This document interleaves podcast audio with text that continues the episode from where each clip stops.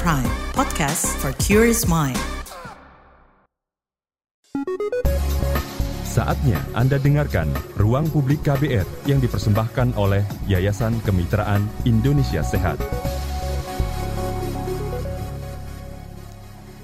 Selamat pagi saudara. Senang sekali saya Deborah Tanya dapat menyapa Anda dalam ruang publik KBR yang pagi hari ini dipersembahkan oleh YKIS dan kita akan berbincang tentang tema Hari Anak Nasional, cegah penularan HIV ke anak sekarang juga.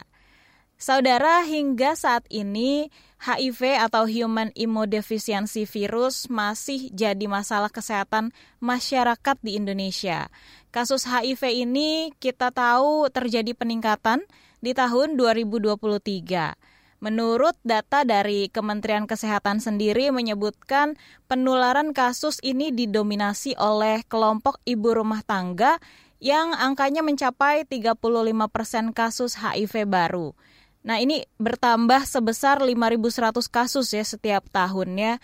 Tentu angka ini lebih tinggi dibandingkan kasus HIV pada kelompok lainnya seperti pada suami pekerja seks dan juga kelompok MSM atau men sex with men. Kalau kita sebutnya homoseksual gitu ya. Juru bicara dari Kementerian Kesehatan Dr. Muhammad Syahril menyebutkan bahwa penyebab tingginya penularan HIV pada ibu-ibu rumah tangga ini karena pengetahuan akan pencegahan dan dampak penyakit yang rendah nih di antara kalangan ibu-ibu rumah tangga serta memiliki pasangan yang memiliki perilaku seks beresiko. Tentu ini memiliki dampak. Sebanyak 45% bayi yang lahir dari ibu positif HIV akan lahir dengan HIV dan sepanjang hidupnya akan menyandang status sebagai HIV positif. Menurut data lagi dari Kementerian Kesehatan juga menyebutkan kasus HIV ini di anak usia 1 sampai 14 tahun mencapai lebih dari 14.000 kasus. Tentunya angka ini setiap tahunnya bertambah sekitar 700 sampai 1000 anak dengan HIV. Ini bukan angka yang sedikit ya, Saudara. Dan saat ini pemerintah juga terus melakukan upaya untuk melakukan screening untuk setiap individu mencapai eliminasi termasuk pemutusan mata rantai penularan dari HIV ini secara vertikal dari ibu ke bayi.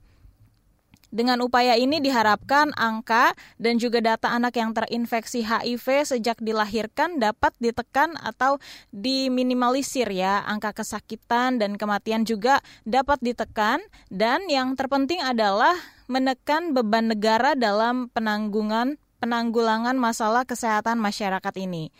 Dalam rangka Hari Anak Nasional tahun 2023 yang baru beberapa hari kita uh, rayakan ya, kita akan berbincang tentang apa sih itu HIV, seperti apa penyebarannya khususnya bagi anak-anak, dan seperti apa pencegahannya. Saudara kita akan perbincangkan lebih dalam terkait hal ini dalam ruang publik KBR Pagi hari ini sudah bergabung dengan Deborah di studio KBR Jakarta Ibu Hartini selaku Odif dan pengurus Ikatan Perempuan Positif Indonesia atau IPI serta melalui Zoom Bapak Hussein Hafsi SKM MHKOM. Beliau adalah Sekretaris Badan Pengurus YKIS. Selamat pagi Pak Hussein dan juga Bu Hartini, apa kabar? Selamat pagi Deborah, kabarnya sangat baik. Luar biasa Luar ya. biasa. Selalu. Dan gimana nih kabarnya Pak Hussein yang terhubung dengan kami via Zoom? Sehat, terima kasih Mbak Deborah. Baik. Senang bisa gabung di acara ini. Terima kasih Deborah juga mengucapkan terima kasih Bapak Ibu sudah mau meluangkan waktunya pagi hari ini ya ngobrol tentang uh, Hari Anak Nasional Cegah Penularan HIV ke Anak sekarang juga. Itu adalah tema kita pagi hari ini. Dan mungkin pertama kita ke Pak Husin terlebih dahulu nih Pak. Sebelumnya mungkin bisa dijelaskan ke pendengar tentang apa itu yang disebut dengan HIV Pak Husin. Ya, terima kasih Mbak Deborah. HIV itu nama virus ya sebenarnya ya, Human Immunodeficiency uh, Virus ya sebuah virus yang menyerang sistem kekebalan uh, tubuh manusia. Jadi ini manusia ini semua punya kekebalan tubuh begitu ya, sehingga tubuhnya jadi sehat begitu. Beberapa uh, penyakit-penyakit itu terhindar dengan adanya kekebalan tubuh. HIV ini menyerang sistem kekebalan tubuh itu, Sehingga karena kekebalan tubuh orang itu menjadi rusak dan turun, sehingga penyakit-penyakit bisa masuk begitu ke dalam tubuh orang itu, sehingga berbagai macam penyakit masuk sehingga kondisinya semakin melemah dan pada akhirnya itu bisa sampai ke stadium yang lebih lanjut ya yang disebut uh, stadium AIDS begitu. Jadi AIDS itu uh, apa namanya sudah menjadi kumpulan gejala penyakit ya. Ketika penyakit-penyakit itu sudah banyak masuk hmm. karena HIV telah menyerang sistem kekebalan tubuh uh, seseorang tersebut. Begitu Mbak Deborah. Baik, ternyata kalau misalnya orang awam itu menyebutkan HIV itu sama dengan AIDS gitu ya, belum tahu apa sih sebenarnya perbedaan mendasar antara HIV ya. dan AIDS ini ya, Pak. Tapi ya, tapi di Pak Husen sudah menjelaskan bahwa AIDS itu udah akumulasi ya dari ya. virus-virusnya yang ada di HIV ini. Hmm. Seperti itu ya, Pak. Betul. Betul, betul. Jadi uh, sebenarnya jadi tidak bisa disebut penyakit gitu ya AIDS itu, tapi dia sebuah uh, kumpulan gejala penyakit ya. Hmm sudah dalam uh, fase akhir dari seseorang yang telah terinfeksi HIV beberapa tahun sebelumnya. Begitu, Mbak Deborah. Jadi uh, sesuatu yang beda ya uh, antara virus dengan kumpulan gejala penyakitnya begitu. Orang yang uh, HIV ya hmm. kondisi fisiknya itu uh, sehat, produktif ya, uh, sama seperti orang-orang yang tidak ada virusnya secara uh, fisik begitu. Hmm. Dia tetap produktif dalam waktu yang lama uh, apa mempertahankan kondisi fisiknya begitu karena rutin minum obat ya biasanya baru sampai ya. kalau sampai waktu yang sudah lama begitu mungkin akan masuk stadium uh, AIDS begitu. Oke. Nah, kalau misalnya untuk berbicara penyakit itu kan pasti ada yang menular, ada yang tidak ya Pak. Kalau HIV ini kan kita bisa sebut dia salah satu penyakit yang bisa ditularkan. Seperti apa sih Pak untuk proses penularannya HIV ini? Penularannya itu sebenarnya sangat spesifik ya. Bisa dibilang sulit sebenarnya. Jadi tidak mudah itu HIV menular. Jadi nggak usah panik begitu. Jadi dia sangat spesifik. Jadi ada kontak darah ya, kontak darah antara orang yang sudah HIV dengan uh, dengan orang lain gitu ada terluka ada ada darah dengan darahnya itu uh, apa namanya berpindah menyatu begitu itu baru uh, tertular. Uh, dan ini tentu melalui jalur penularan ya. Jalur penularannya itu macam-macam.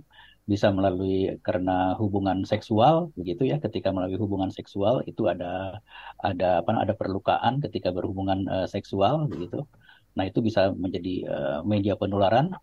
Kemudian uh, bisa saja mungkin melalui uh, jarum suntik yang tidak steril karena berpindah-pindah dari satu orang ke orang lain sehingga hmm. terjadi perpindahan begitu.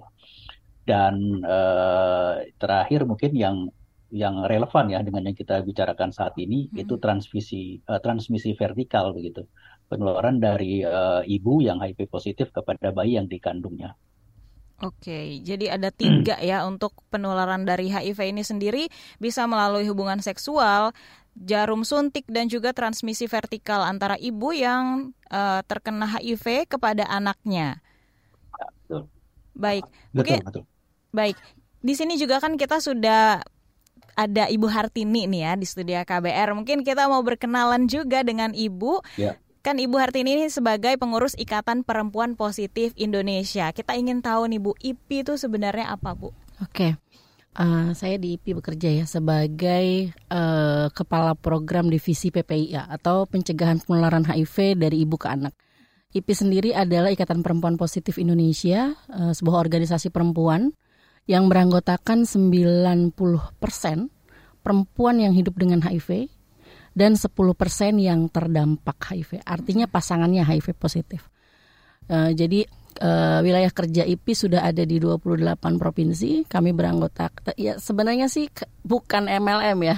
bukan semakin banyak iya. anggotanya kita menjadi semakin bagus. Justru doa doa doa kami semua yang ada di IPI tidak ada lagi perempuan-perempuan yang uh, tanpa informasi, buta informasi akan tertular HIV. Jadi hmm. IPI adalah organisasi perempuan yang uh, anggotanya perempuan yang hidup perempuan, dengan HIV. Ya. Baik itu Mungkin yang saya saya bisa. Kalau misalnya ini ya, mm-hmm. mungkin sebagian orang akan berpikir saya adalah hanya yang 10% atau saya itu adalah perempuan yang mempunyai pasangan yang HIV positif. Ya. Tapi saya adalah 90%. Saya perempuan yang hidup dengan HIV sudah hidup selama 15 tahun berdampingan dengan uh, virusnya gitu ya. Hmm. Jadi hmm. saya sekitar 15 tahun ya Bu Hartini ya. ya. 2000 saya baru tahu status HIV saya 2008. Oke, baik. Nah, mungkin di tahun 2008 itu ada gejala-gejala khusus nggak sih Bu yang Ibu rasakan?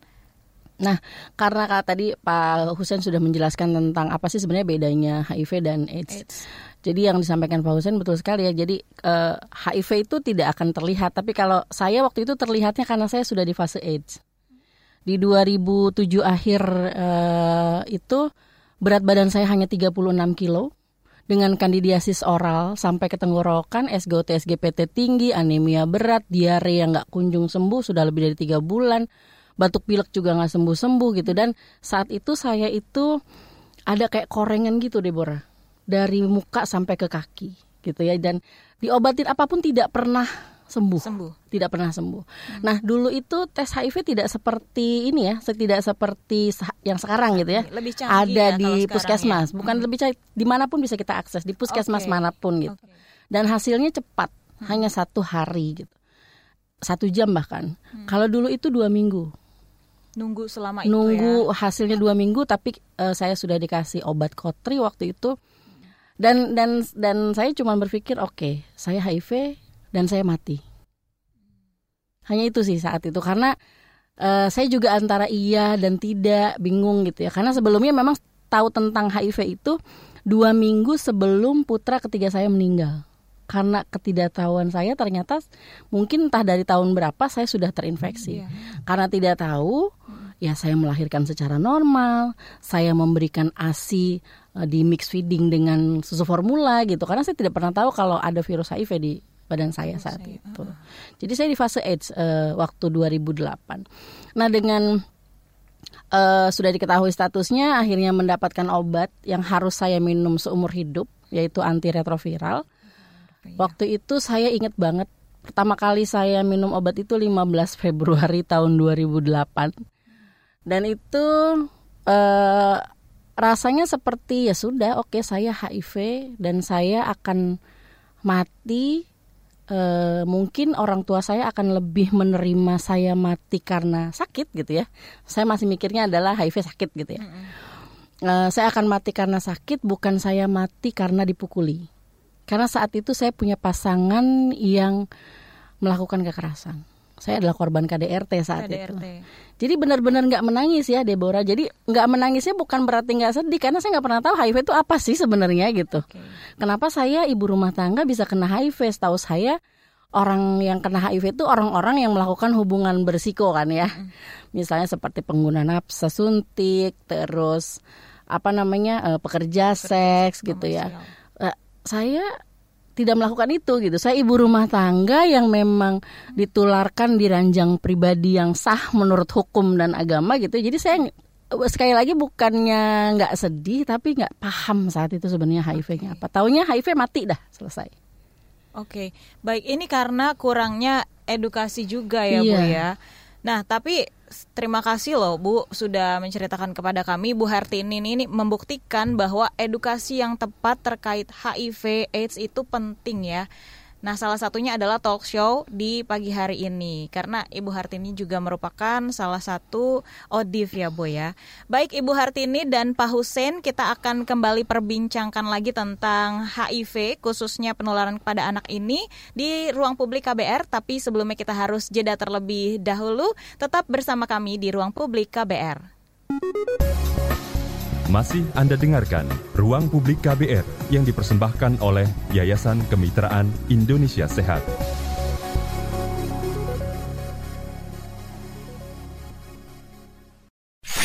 Commercial break.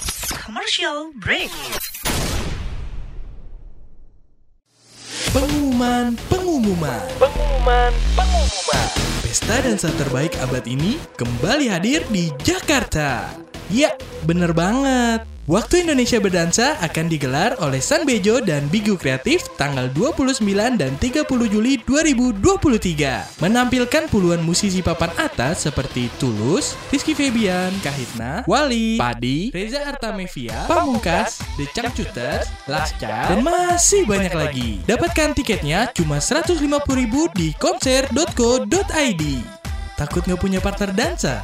Tenang, kamu tinggal komen aja di Instagram at Waktu Indonesia Berdansa. Langsung deh dicariin temen dansa sama para instruktur dansa dari WIB buat kamu. So, tunggu apa lagi? Sudah waktunya Indonesia Berdansa. Masih Anda dengarkan Ruang Publik KBR yang dipersembahkan oleh Yayasan Kemitraan Indonesia Sehat. Ya, Anda masih mendengarkan Ruang Publik KBR yang dipersembahkan oleh YKIS dengan tema pagi hari ini Hari Anak Nasional, Cegah Penularan HIV ke Anak sekarang juga. Masih bersama Deborah Ibu Hartini sebagai ODIF dan pengurus Ikatan Perempuan Positif Indonesia IPI, serta Bapak Husen Hapsi SKM MHKOM, Sekretaris Badan Pengurus YKIS. Kita ke sekarang beralih ke Pak Husen nih Pak tadi kita sudah ngobrol eh, tentang HIV juga kepada Bu Hartini, beliau sebagai salah satu ODIF dan bagaimana beliau struggle ya ketika itu dan saat ini sudah normal kembali ya Bu ya, sudah bisa menjalani kehidupannya bahkan lebih semangat lagi tentunya ya. Nah, kalau kita berbicara tentang HIV ini Pak Husen, apakah setiap orang bisa berpotensi tertular HIV ini termasuk anak-anak? Ya. Uh, ya, ini kan masalah perilaku ya, Pak Deborah ya. Jadi siapa pun itu bisa aja terinfeksi begitu. Uh, karena uh, jika menjalankan perilaku yang berisiko, itu siapa pun bisa bisa uh, terinfeksi HIV begitu. Jadi uh, yang dipentingkan ini adalah memang bagaimana menjalankan perilaku ya yang uh, yang tidak berisiko untuk tidak uh, menularkan uh, HIV begitu ya. Dan ini yang menyebabkan kita harus bisa membedakan antara perilaku dengan uh, kelompok begitu. Terkadang orang uh, apa mengeneralisir kelompok ya, orang HIV itu di kelompok tertentu begitu. Tetapi eh, sebenarnya itu tidak. Di kelompok tertentu yang kelihatannya baik-baik saja begitu, tapi karena perilakunya berisiko bisa terinfeksi.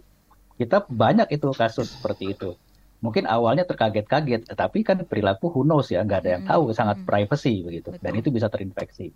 Sebaliknya, di kelompok tertentu yang uh, notabene dikatakan ini orang-orang yang uh, apa namanya, yang termarginalize begitu, tetapi karena perilakunya dia itu paham bagaimana pencegahan, dia tidak tertular HIV. Hmm. Nah ini bisa saja seperti itu.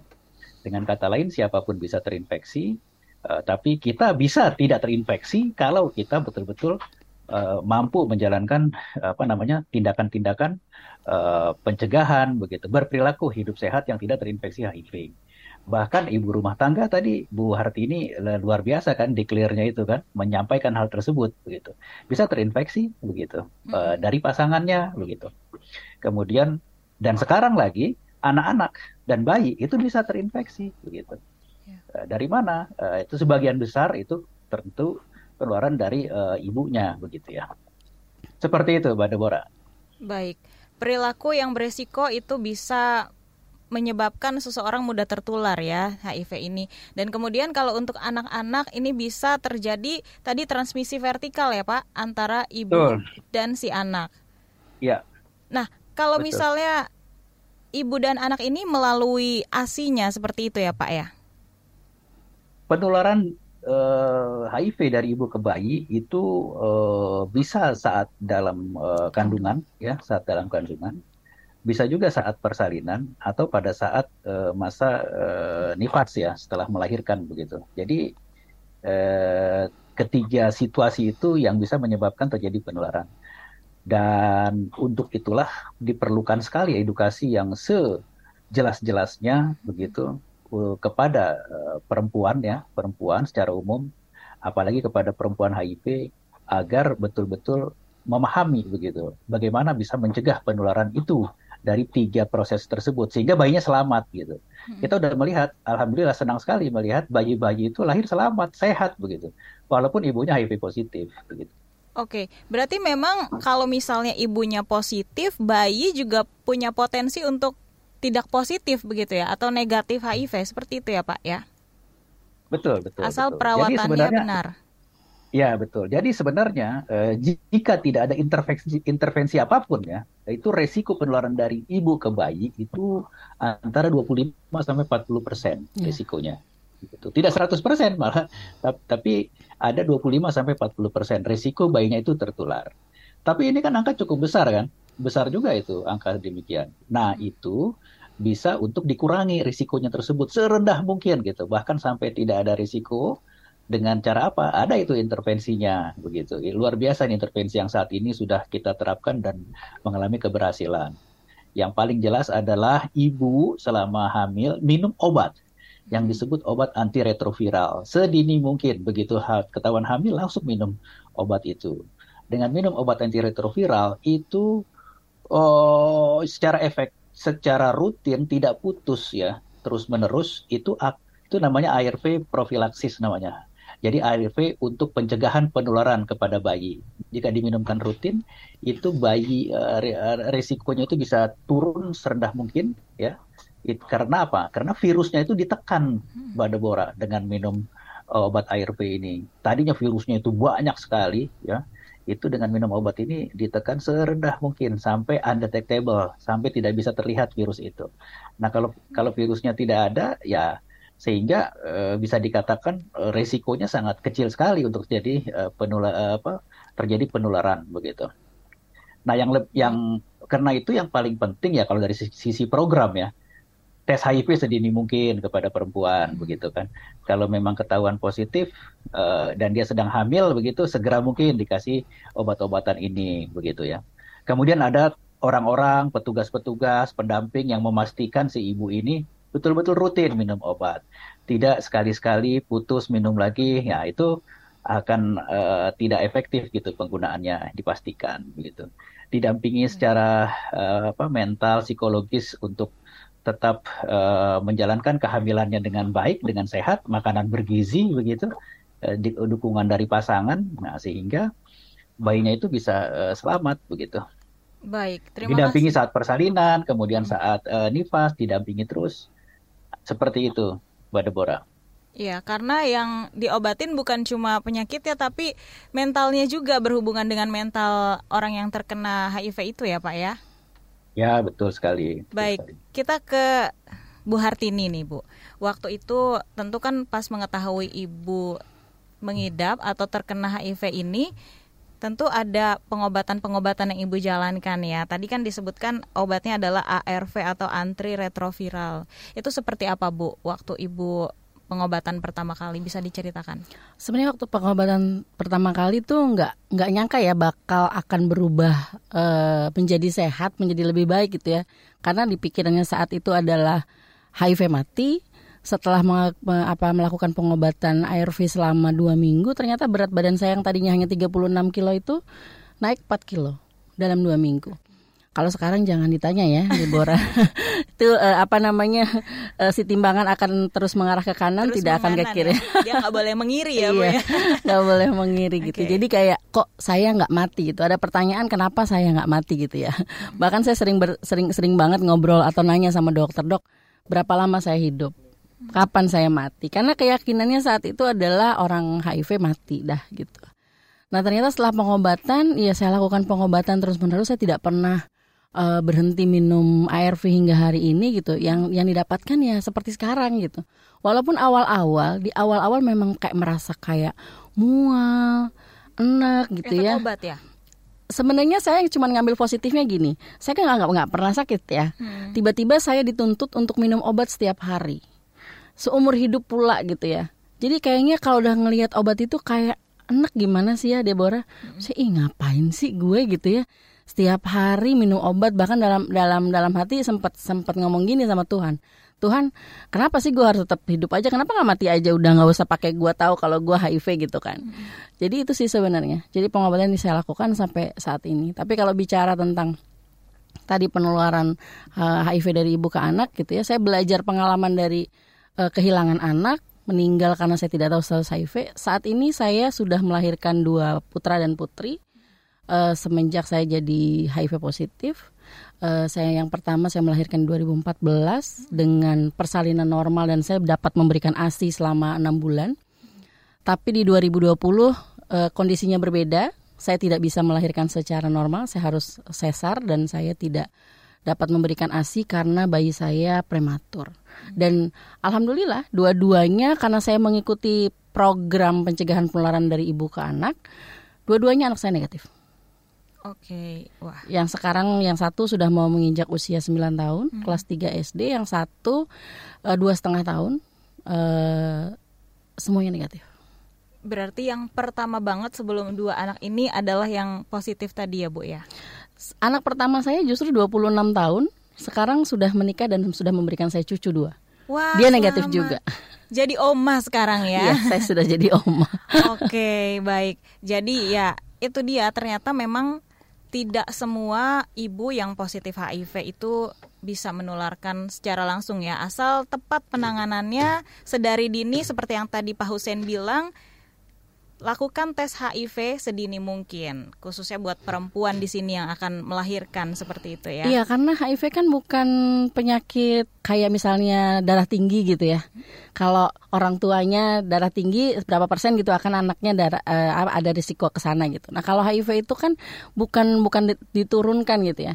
Kalau misalnya tadi di masa kehamilannya dicegah, di masa persalinannya dicegah, terus di masa uh, menyusui juga dicegah, ya anaknya tidak akan tertular gitu. Dan itu sudah sudah terbukti gitu ya bahwa kita melakukan segala hal, pemerintah juga mendukung dengan program-programnya gitu.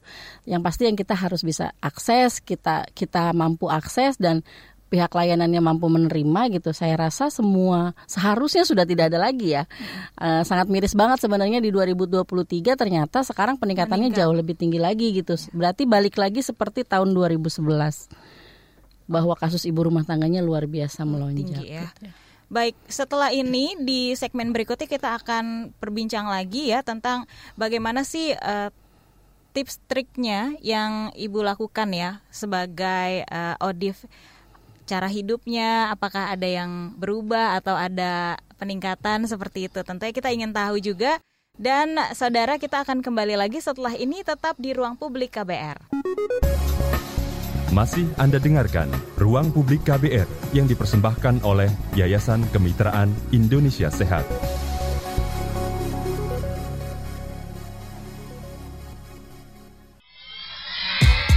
Yuk follow social media KBR Twitter at Berita KBR, Instagram at KBR.id, Youtube Berita KBR.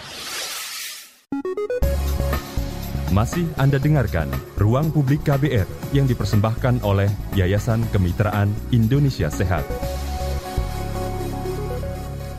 Ya, kembali lagi dalam ruang publik KBR yang dipersembahkan oleh YKIS bersama saya Deborah Tanya dan tentunya kita masih membahas tema Hari Anak Nasional cegah penularan HIV ke anak sekarang juga. Dan masih bersama Deborah juga Bapak Husen Hapsi, SKM MHKOM, selaku Sekretaris Badan Pengurus YKIS, dan Ibu Hartini selaku ODIF dan Pengurus Ikatan Perempuan Positif Indonesia IPI. Nah, kita tadi berbincang ya dengan Ibu Hartini bahwa anaknya juga sempat ada satu ya yang meninggal ketahuan karena HIV positif. Nah, Kemudian kalau misalnya kita berbicara tentang kehidupan sosial nih Bu Hartini, adakah diskriminasi yang Ibu alami ketika 2008 itu Ibu tahu sudah terkena HIV? Uh, dis, kalau bicara stigma dan diskriminasi, alhamdulillah kalau dari masyarakat uh, luas ya, dari masyarakat umum, uh, di saat 2008 sampai 2010 saya hidup di zona yang nyaman, tidak ada satupun orang yang bukan orang ya, maksudnya di, hanya di keluarga yang tahu bahwa saya HIV positif. Hanya ibu dan anak saat itu yang tahu bahwa saya HIV positif. Hmm. Selebihnya orang-orang nggak ada yang tahu. Bahkan sampai 2010 saya masih minum ARV itu ngumpet-ngumpet. Hmm. Karena orang kan pasti bertanya ya di, di, di kerjaan saya pasti nanya, kamu ngapain sih minum obat setiap hari gitu kan? Hmm. Saya sempat bilang bahwa saya kena liver gitu kan. Terus apa liver minum obatnya setiap hari gitu. Hmm. Terus saya pernah bilang bahwa saya minum vitamin gitu teman saya selalu bilang bagi dong gitu jadi uh, jadi sebenarnya 2 sampai 2010 uh, tidak ada orang yang banyak tahu. Di 2011 saya berpikir saya melihat saya saya, saya juga bekerja saat itu di puskesmas sebagai kader muda layanan alat suntik steril untuk teman-teman pengguna nafsa saya melihat informasi yang diberikan di masyarakat itu seputar medis. Tetap pertanyaannya adalah ciri-ciri orang HIV kenapa sih? Maksudnya kayak, kayak gimana gitu ya Padahal di sisi peserta saya saya pengen teriak gitu, hello ini gue gue HIV positif dan gue nggak ada bedanya sama kalian gitu. Nah akhirnya uh, saya memberanikan diri 2011 di masyarakat di sekitaran tempat pekerjaan saya di puskesmas, saya bilang saya adalah perempuan yang hidup dengan HIV. Saat itu bahkan hingga saat ini masyarakat tuh masih berpikir tentang bahwa orang HIV itu kurus kering penyakitan, nggak bisa ngapa-ngapain, orang nyusahin orang gitu, gitu ya. ya. Uh, padahal bisa jadi orang kurus kering itu kan gizi buruk ya, gitu. Jadi di saat melihat badan saya yang lumayan seger buger gitu ya, loh jinawi, mereka nggak pernah percaya gitu bahwa saya HIV positif. Jadi uh, tapi masyarakat begitu tahu bahwa saya HIV positif, ma mereka masih tetap mau salaman, merangkul. Jadi saya berpikir bahwa masyarakat tidak mengetahui informasi yang baik dan benar tentang HIV itulah sebabnya akhirnya melakukan stigma dan diskriminasi. Yeah. Tapi kalau stigma dan diskriminasi di layanan kesehatan, saya dulu sering banget dapat. Dulu ya. Justru di layanan kesehatan ya, Bu, yang harusnya yeah. lebih punya banyak edukasi tentang hal ini. Ya, HIV ini kan informasinya selalu update ya Deborah. Jadi terkadang mungkin yang satu sudah dilatih, sudah diberitahu informasinya gitu. Tiba-tiba tahun depan sudah berubah orangnya, mm-hmm. jadi nggak tahu gitu. Nah, jadi sekali lagi sebenarnya baik dari petugas layanan maupun masyarakat itu karena mereka tidak punya informasi yang baik tentang HIV gitu. Yang seperti saya akhirnya memutuskan kembali untuk menikah dengan orang yang negatif HIV itu beberapa layanan petugas layanan bilang lu ngapain sih nikah lagi gitu ntar lu nularin HIV terus begitu saya merencanakan punya anak lu ngapain punya anak lu kan udah punya anak yang meninggal lu nggak takut apa nanti lu di apa namanya uh, disalin sama anak lo kalau sampai tertular gitu. Jadi itu yang bicara adalah petugas layanan. Padahal sudah ada programnya, sudah ada caranya seperti apa supaya saya tidak menularkan virus ke saya anak. ke bayi saya saat itu. Jadi sampai saat ini ya kalau sekarang ya kalau dibandingkan 2011 sampai sekarang petugas layanan sudah jauh lebih baik. Sudah jauh lebih baik. Uh, hanya beberapa hak kami ya masih agak terbatasi seperti pilihan persalinan ya uh, saya tahu petugas kesehatan punya ketakutan tersendiri ya maksudnya mencegah supaya yang 40% itu tidak tertular gitu. Jadi eh, biasanya kalau kita sudah diketahui HIV positif, tidak dilihat lagi berapa lama kita terapi ARV, kita akan dirujuknya untuk melahirkan secara sesar dan tidak boleh memberikan ASI gitu. Okay. Jadi masih ada pengetahuan-pengetahuan yang menurut saya seharusnya itu akan lebih jauh update gitu ya. Walaupun saya tahu eh, sebagai petugas kesehatan dia merasa ya pokoknya saya gua mau mencegah bayi-bayi yang terlahir nih nggak HIV gitu ya mm -hmm. itu sih tapi mungkin itu bisa lebih di apa namanya di, di dipelajari kembali banyak sudah banyak teman-teman yang seperti saya yang bisa melahirkan secara normal hmm. yang bisa memberikan asi gitu itu sih Deborah berarti yang anak ibu dua ini ASI juga dan juga lahir normal atau sesar kemarin Bu? Yang 2014 saya melahirkan normal dan saya berikan ASI mm -hmm. selama enam bulan, ASI eksklusif, benar-benar eksklusif. Uh, nah karena kondisinya sangat berbeda, jadi waktu 2000, nah ini juga jadi catatan buat teman-teman. 2014 itu saya tidak punya indikasi medis yang melarang saya untuk melahirkan secara normal. Nah, begitu 2020 di kehamilan terakhir ya, terakhir karena saya sudah disteril akhirnya, saya memutuskan untuk disteril karena usia itu kondisinya berbeda. Saya punya darah tinggi. Jadi saya punya penyakit yang memang secara medis saya tidak boleh melahirkan secara hmm. normal. Dan ternyata saya juga melahir, harus melahirkan karena preeklamsia dan bayi saya kecil hanya baru 30 minggu baru 1300 gitu. Jadi dokter anak menjelaskan ini tidak ada kaitannya dengan HIV hmm. tapi ada risiko-risiko yang kalau kalau saya memutuskan memberikan ASI akhirnya saya memutuskan untuk tidak memberikan ASI karena yang terbaik adalah saat itu susu formula.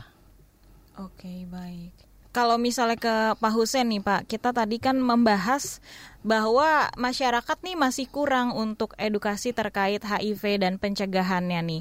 Kalau dari Pak Husen, dari Yeki sendiri, apa sih Pak yang menjadi tantangan saat melakukan sosialisasi HIV ini kepada masyarakat Pak? Ya, oke okay, baik. Jadi uh, kembali lagi ya, ini masa uh, apa namanya yang jadi sasarannya itu kan perilaku ya, membentuk perilaku gitu. Uh, perilaku itu sasaran akhirnya. Untuk membentuk perilaku yang baik perlu ada asupan asupan eh, edukasi dan informasi yang memadai yang benar gitu ya. Jauh dari mitos dan hoax begitu. Nah sehingga eh, informasi kemasan informasi yang tepat ini ini memang harus bisa dipastikan ya nyampe begitu. Beberapa kendala-kendala antara lain begini. Eh, pertama eh, mulai dari eh, kemasan informasi sendiri begitu jadi eh, terkadang Oh, beberapa kendala itu kita mungkin kurang cermat gitu ya, memilih target sasaran dalam penyampaian informasi begitu ya. Karena informasi yang tepat itu harus betul-betul pas dengan target sasaran. Jadi harus di, disesuaikan dengan kelompok sasaran. Edukasi untuk remaja mungkin beda dengan edukasi untuk orang dewasa, untuk eh, perempuan begitu. Nah, ini ini satu hal begitu. Artinya kemampuan uh, para pembuat pesan ini juga harus betul-betul uh, memastikan begitu ya dari kelompok sasaran ya. Beberapa pesan ini menurut ini ya riset-riset data-data yang kita lakukan begitu uh, masih ada informasi yang uh, kurang tepat begitu. Sehingga apa? informasi pesan edukasi ini kan harus diminati juga gitu. Interest yeah. tidak orang menerima informasi itu gitu. Hmm. Kalau sepintas dia lihat tidak tepat, dia akan ignore, tidak dia menolak begitu. Ini dia tidak cocok. Ini ini dari dari dari ininya ya, dari tadi dari segi usia, termasuk geografis geografis, hmm. faktor budaya juga gitu. Edukasi untuk masyarakat, katakanlah ya kalau mau ekstrimnya di Indonesia Timur, di Papua begitu. Mungkin kemasan edukasi informasinya itu uh, beda begitu. Dari visualisasinya, dari dari bahasanya itu beda. Beberapa kali kami pernah lihat itu dari uh, apa namanya itu uh, studi-studi analisis uh, uh, uh, informasi begitu ada pesan yang digeneralisir, dipukul rata saja begitu. Hmm. Akhirnya apa ditinggalkan pesan-pesan itu karena dianggap oh ini bukan masalah kami ini, ini masalah orang Jawa misalnya. Karena uh, beda gambarnya, visualnya begitu. Padahal kasus tinggi di Papua waktu itu yang kita lihat. Padahal maunya kita itu mereka itu eh, menjalankan perubahan perilaku, tapi karena kurang tepat dia tidak menjalankan. Ini beberapa hal ya satu. Yeah. Kemudian eh, berikutnya mungkin edukasi berik berikutnya uh, konsistensi gitu ya konsistensi. Terkadang kita hit and run begitu mbak Deborah. Jadi kita punya punya apa namanya package uh, sebuah program begitu untuk uh, satu kali dua kali uh, kita anggap udah tuntas begitu hanya menunaikan tugas saja. Padahal jauh lebih masih jauh. Yang diperlukan adalah konsistensi. Ya seperti kita paham lah soal iklan ya bagaimana image seseorang itu baru akan masuk akan membeli produk itu kan kalau udah uh, terpolarisasi dia mas uh, uh, apa namanya tuh uh, siap untuk uh, membeli gitu produk itu. Karena apa? Terus menerus begitu ya. Hmm. sampai masuk. Nah mungkin beberapa strategi pesan selama ini uh, belum sampai ke fase itu begitu. Sudah tuntas. Ketika orang sudah mulai tertarik ya ketika orang sudah mau menjalankan begitu dia butuh lagi nih. Eh, tambahan-tambahan informasi yang lebih spesifik lagi memancing dia untuk uh, mengubah perilakunya. Tapi pesan itu udah udah terhenti gitu. Dan akhirnya dia kembali lagi ke perilaku-perilaku yang uh, masih berisiko. Nah ini ini dia gitu. Artinya apa? Perlu orang-orang yang sangat militan, yang terus-menerus bergerak begitu. Contohnya nih ya kawan-kawan di IP yang yang yang konsisten terus melakukan perubahan-perubahan. Dan satu lagi, ini contoh nyata di depan kita ketika Bu Harti ini came out tampil di sini. Ini sesuatu message yang luar biasa Mbak Deborah. Karena dulu itu pesan-pesan itu uh, uh, tidak ada yang menyampaikan langsung ya dari seseorang yang menjalani perjuangan hidupnya dengan HIV begitu. Menjadi sosok yang beda, bukan kami gitu, mereka gitu. Tapi saat ini kan sosoknya itu udah terbuka begitu. Dan dengan gamblang tanpa ragu, tanpa blur, tanpa wajah ditutupi begitu, bicara apa adanya, bahkan menceritakan hal-hal yang sangat uh, spesifik begitu, membuat apa? Mata masyarakat akan terbuka. Oh ternyata sama begitu. Yeah. Iya. Uh, saya pun begitu begitu. Artinya saya pun punya risiko seperti itu begitu.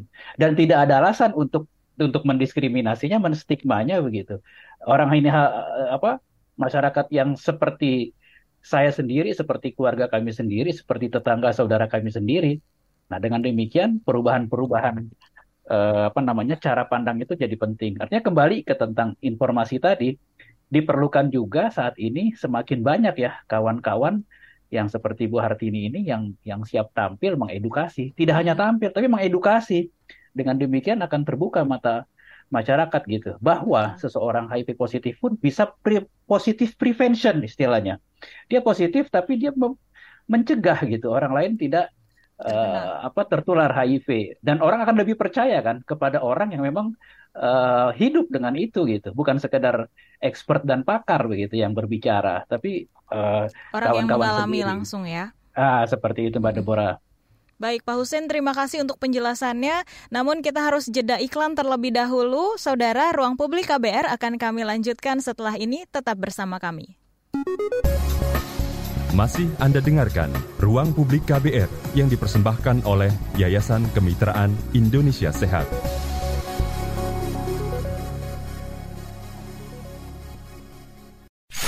Commercial break. Commercial break. Yang baru, yang baru, yang baru. Tidak ada yang lebih baru dari kabar baru. Cukup 5 menit bisa perbaharui informasi kamu. Cukup 5 menit berita terbaru ada di genggamanmu. 5 menit sayang untuk dilewatkan karena kabar baru diramu dengan kualitas jurnalistik terbaik didukung puluhan reporter dan kontributor di Jakarta dan berbagai kota di tanah air. Simak hanya di kbrprime.id. Cukup search kabar baru, kamu akan dapatkan informasi teraktual dalam 5 menit. Masih Anda dengarkan Ruang Publik KBR yang dipersembahkan oleh Yayasan Kemitraan Indonesia Sehat.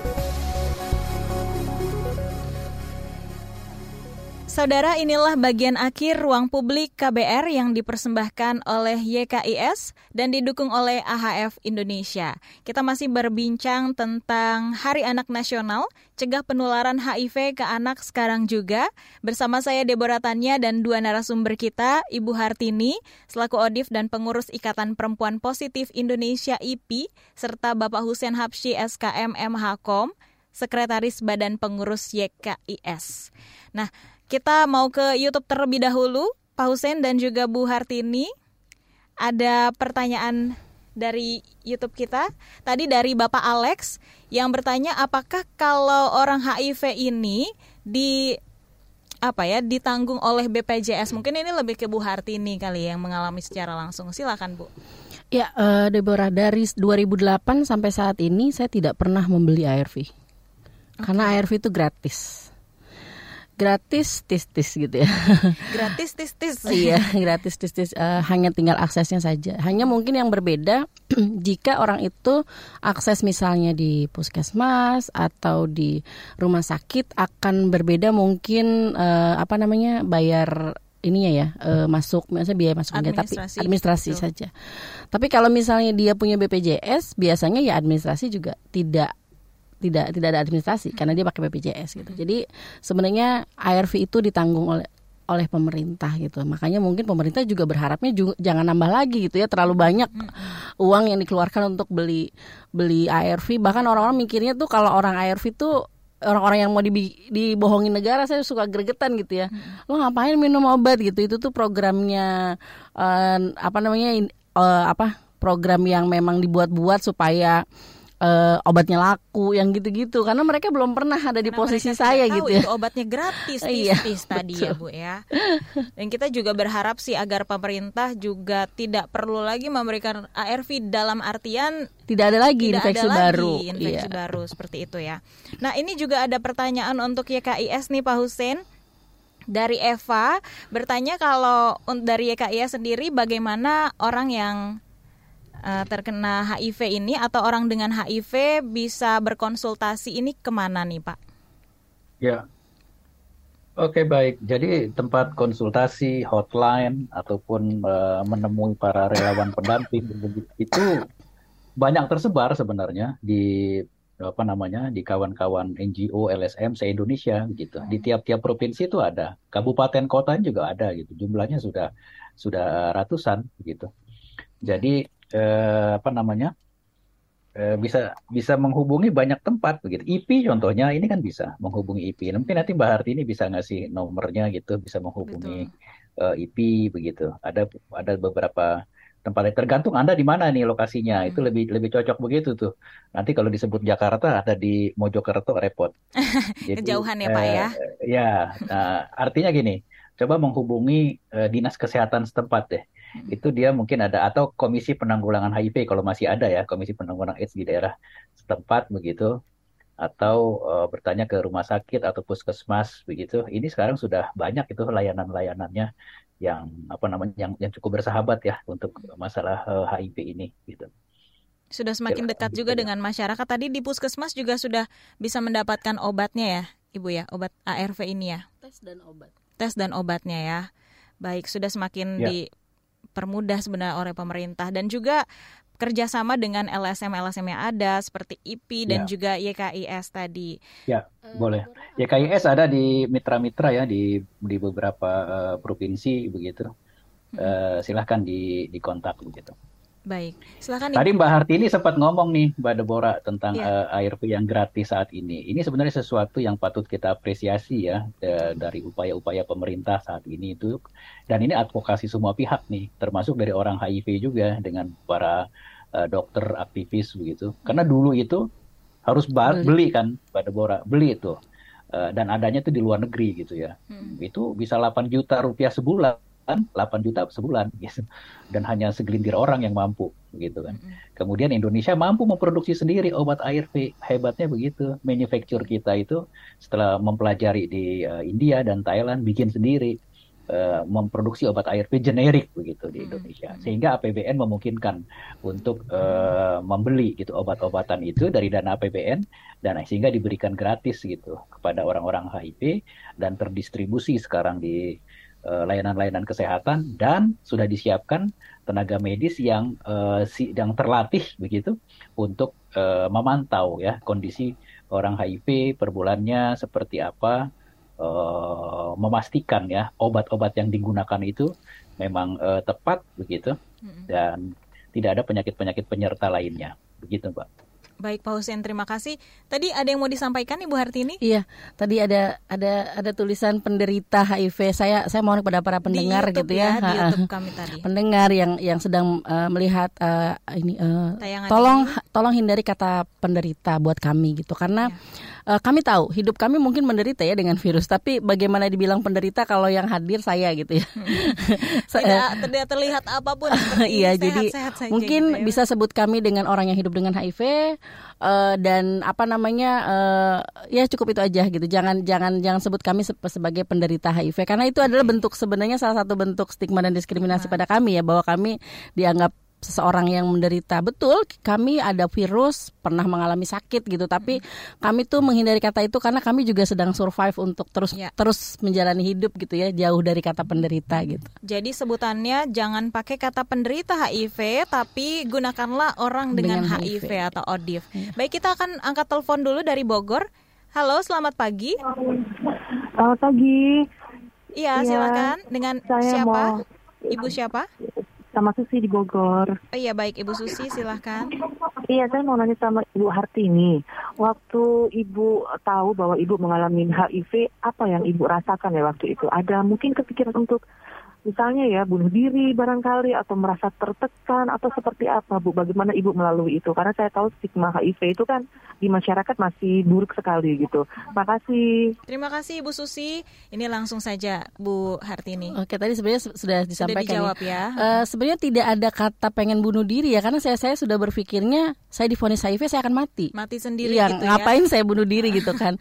Tapi waktu itu ada ada sedikit rasa ya udah oke, okay, saya akan mati karena HIV bukan karena saya mati dipukuli. Sekali lagi karena saya korban KDRT, KDRT. saya berpikirnya ya udah mungkin orang tua saya akan lebih menerima saya meninggal karena sakit ya daripada hmm. meninggal dipukuli gitu. Dan uh, yang saya alami lagi-lagi saya tidak merasa sedih karena saya tidak tahu informasi HIV-nya gitu. Tapi setelah beberapa bulan, oh ternyata orang HIV tidak mati, bahkan saya jauh lebih sehat sekarang. Saya uh, perubahan yang yang terjadi yang paling terlihat adalah saya akan lebih aware sama kesehatan saya sendiri gitu ya. Uh, ya kalau kalau tidak ada yang berubah sih saya sama seperti orang lain saya bahkan bebas makan apa aja asal makanannya memang punya saya bukan ngambil gitu ya. Jadi tidak ada larangan makanan apa spesifik apa pun gitu dan ya. saya kebetulan didukung oleh keluarga, oleh ibu dan anak saat itu yang memang luar biasa menurut Baik. saya kan. Jadi ya dukungan itu menjadi sangat paling penting ya selain selain supaya ya mungkin saya juga tidak akan tapi saya tahu tidak semua orang seperti saya. Karena kita kita kita juga pasti orang ada yang mikirnya lain-lain. Banyak mungkin banyak orang yang berpikir akan bunuh diri dan atau menurut saya bukan bunuh dirinya gantung diri, bukan bunuh dirinya uh, nusukin pisau, tapi bunuh dirinya tidak mau pengobatan ARV itu juga bagian bahwa dia akan bunuh diri. Kalau mereka tidak melakukan pengobatan, penyakit akan datang semua sama dan diri, sama ya? saja dengan bunuh diri perlahan-lahan. Gitu Deborah. Baik, terima kasih untuk uh, jawabannya dari Bu Hartini. Pak Husen dan Bu Hartini sebelum kita tutup ruang publik uh, singkat saja apa harapan untuk pendengar kita khususnya buat anak-anak Indonesia nih? Mereka merupakan agent of change mereka juga berpotensi HIV AIDS dan lain-lain. Silakan Pak Husen kemudian Bu Hartini. Ya. Oke baik. Ya tentu kita ingin bangsa kita ini bangsa yang kuat dan sehat ya tentu ya. Semuanya adalah eh, apa namanya manusia-manusia tangguh begitu. Indonesia Mas ya 2045 harapannya itu eh, adalah eh, diisi oleh anak-anak yang eh, manusia-manusia dewasa yang sehat ya tentu berawal dari sekarang ini gitu. Baik. Kalau tidak kita akan jadi bangsa yang yang lemah dan rugi ya ketika bonus demografi muncul tuh pada saat itu. Nah karena itu marilah kita bersama uh, lindungi dan selamatkan anak-anak kita dari HIV begitu ya. Baik. ya dengan melakukan edukasi kemudian juga kita mencari informasi harus aktif tuh mencari informasi saat ini begitu hmm. dan hindari informasi hoax ya pastikan informasi yang benar jalankan perilaku hidup sehat Baik. agar tidak tertular HIV ya. Baik terima kasih Pak Husen langsung saja ke Bu Hartini untuk closingnya ya Mm, untuk anak-anak yang memang sudah terlahir dengan HIV, saya yakin di, mereka mempunyai orang tua yang luar biasa untuk terus mendampingi pengobatan yang baik. Anak-anak bisa melewati masa-masanya menjadi anak-anak, bahkan dewasa nanti gitu ya. Jadi tetap pengobatan ARV. Nah untuk siapa pun gitu teman-teman perempuan yang memang positif HIV, kita bisa mencegah virus kita hanya di kita tidak ditularkan kepada pasangan maupun anak. Jadi cari informasi sama dengan Pak Husen ya, cari informasi yang sebaik-baiknya bagaimana virusnya hanya tetap di kita, Baik. tidak menularkan kepada siapa pun. Jangan lupa minum ARV. Itu aja. Oke. Okay. Nah, kita juga punya tagline tadi Bu Hartini iya. ya. Tagline untuk semua pendengar kita tentang HIV AIDS ini pahami pencegahannya, dukung, dukung orangnya. orangnya. Baik, terima kasih untuk Pak Hussein dan Bu Hartini sudah menyempatkan waktu di ruang publik pagi hari ini. Karena waktu kita terbatas, Deborah harus undur diri. Terima kasih, salam. Terima kasih telah mendengarkan. Ruang Publik KBR yang dipersembahkan oleh Yayasan Kemitraan Indonesia Sehat.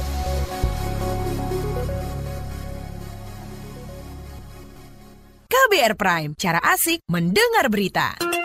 KBR Prime, podcast for curious mind.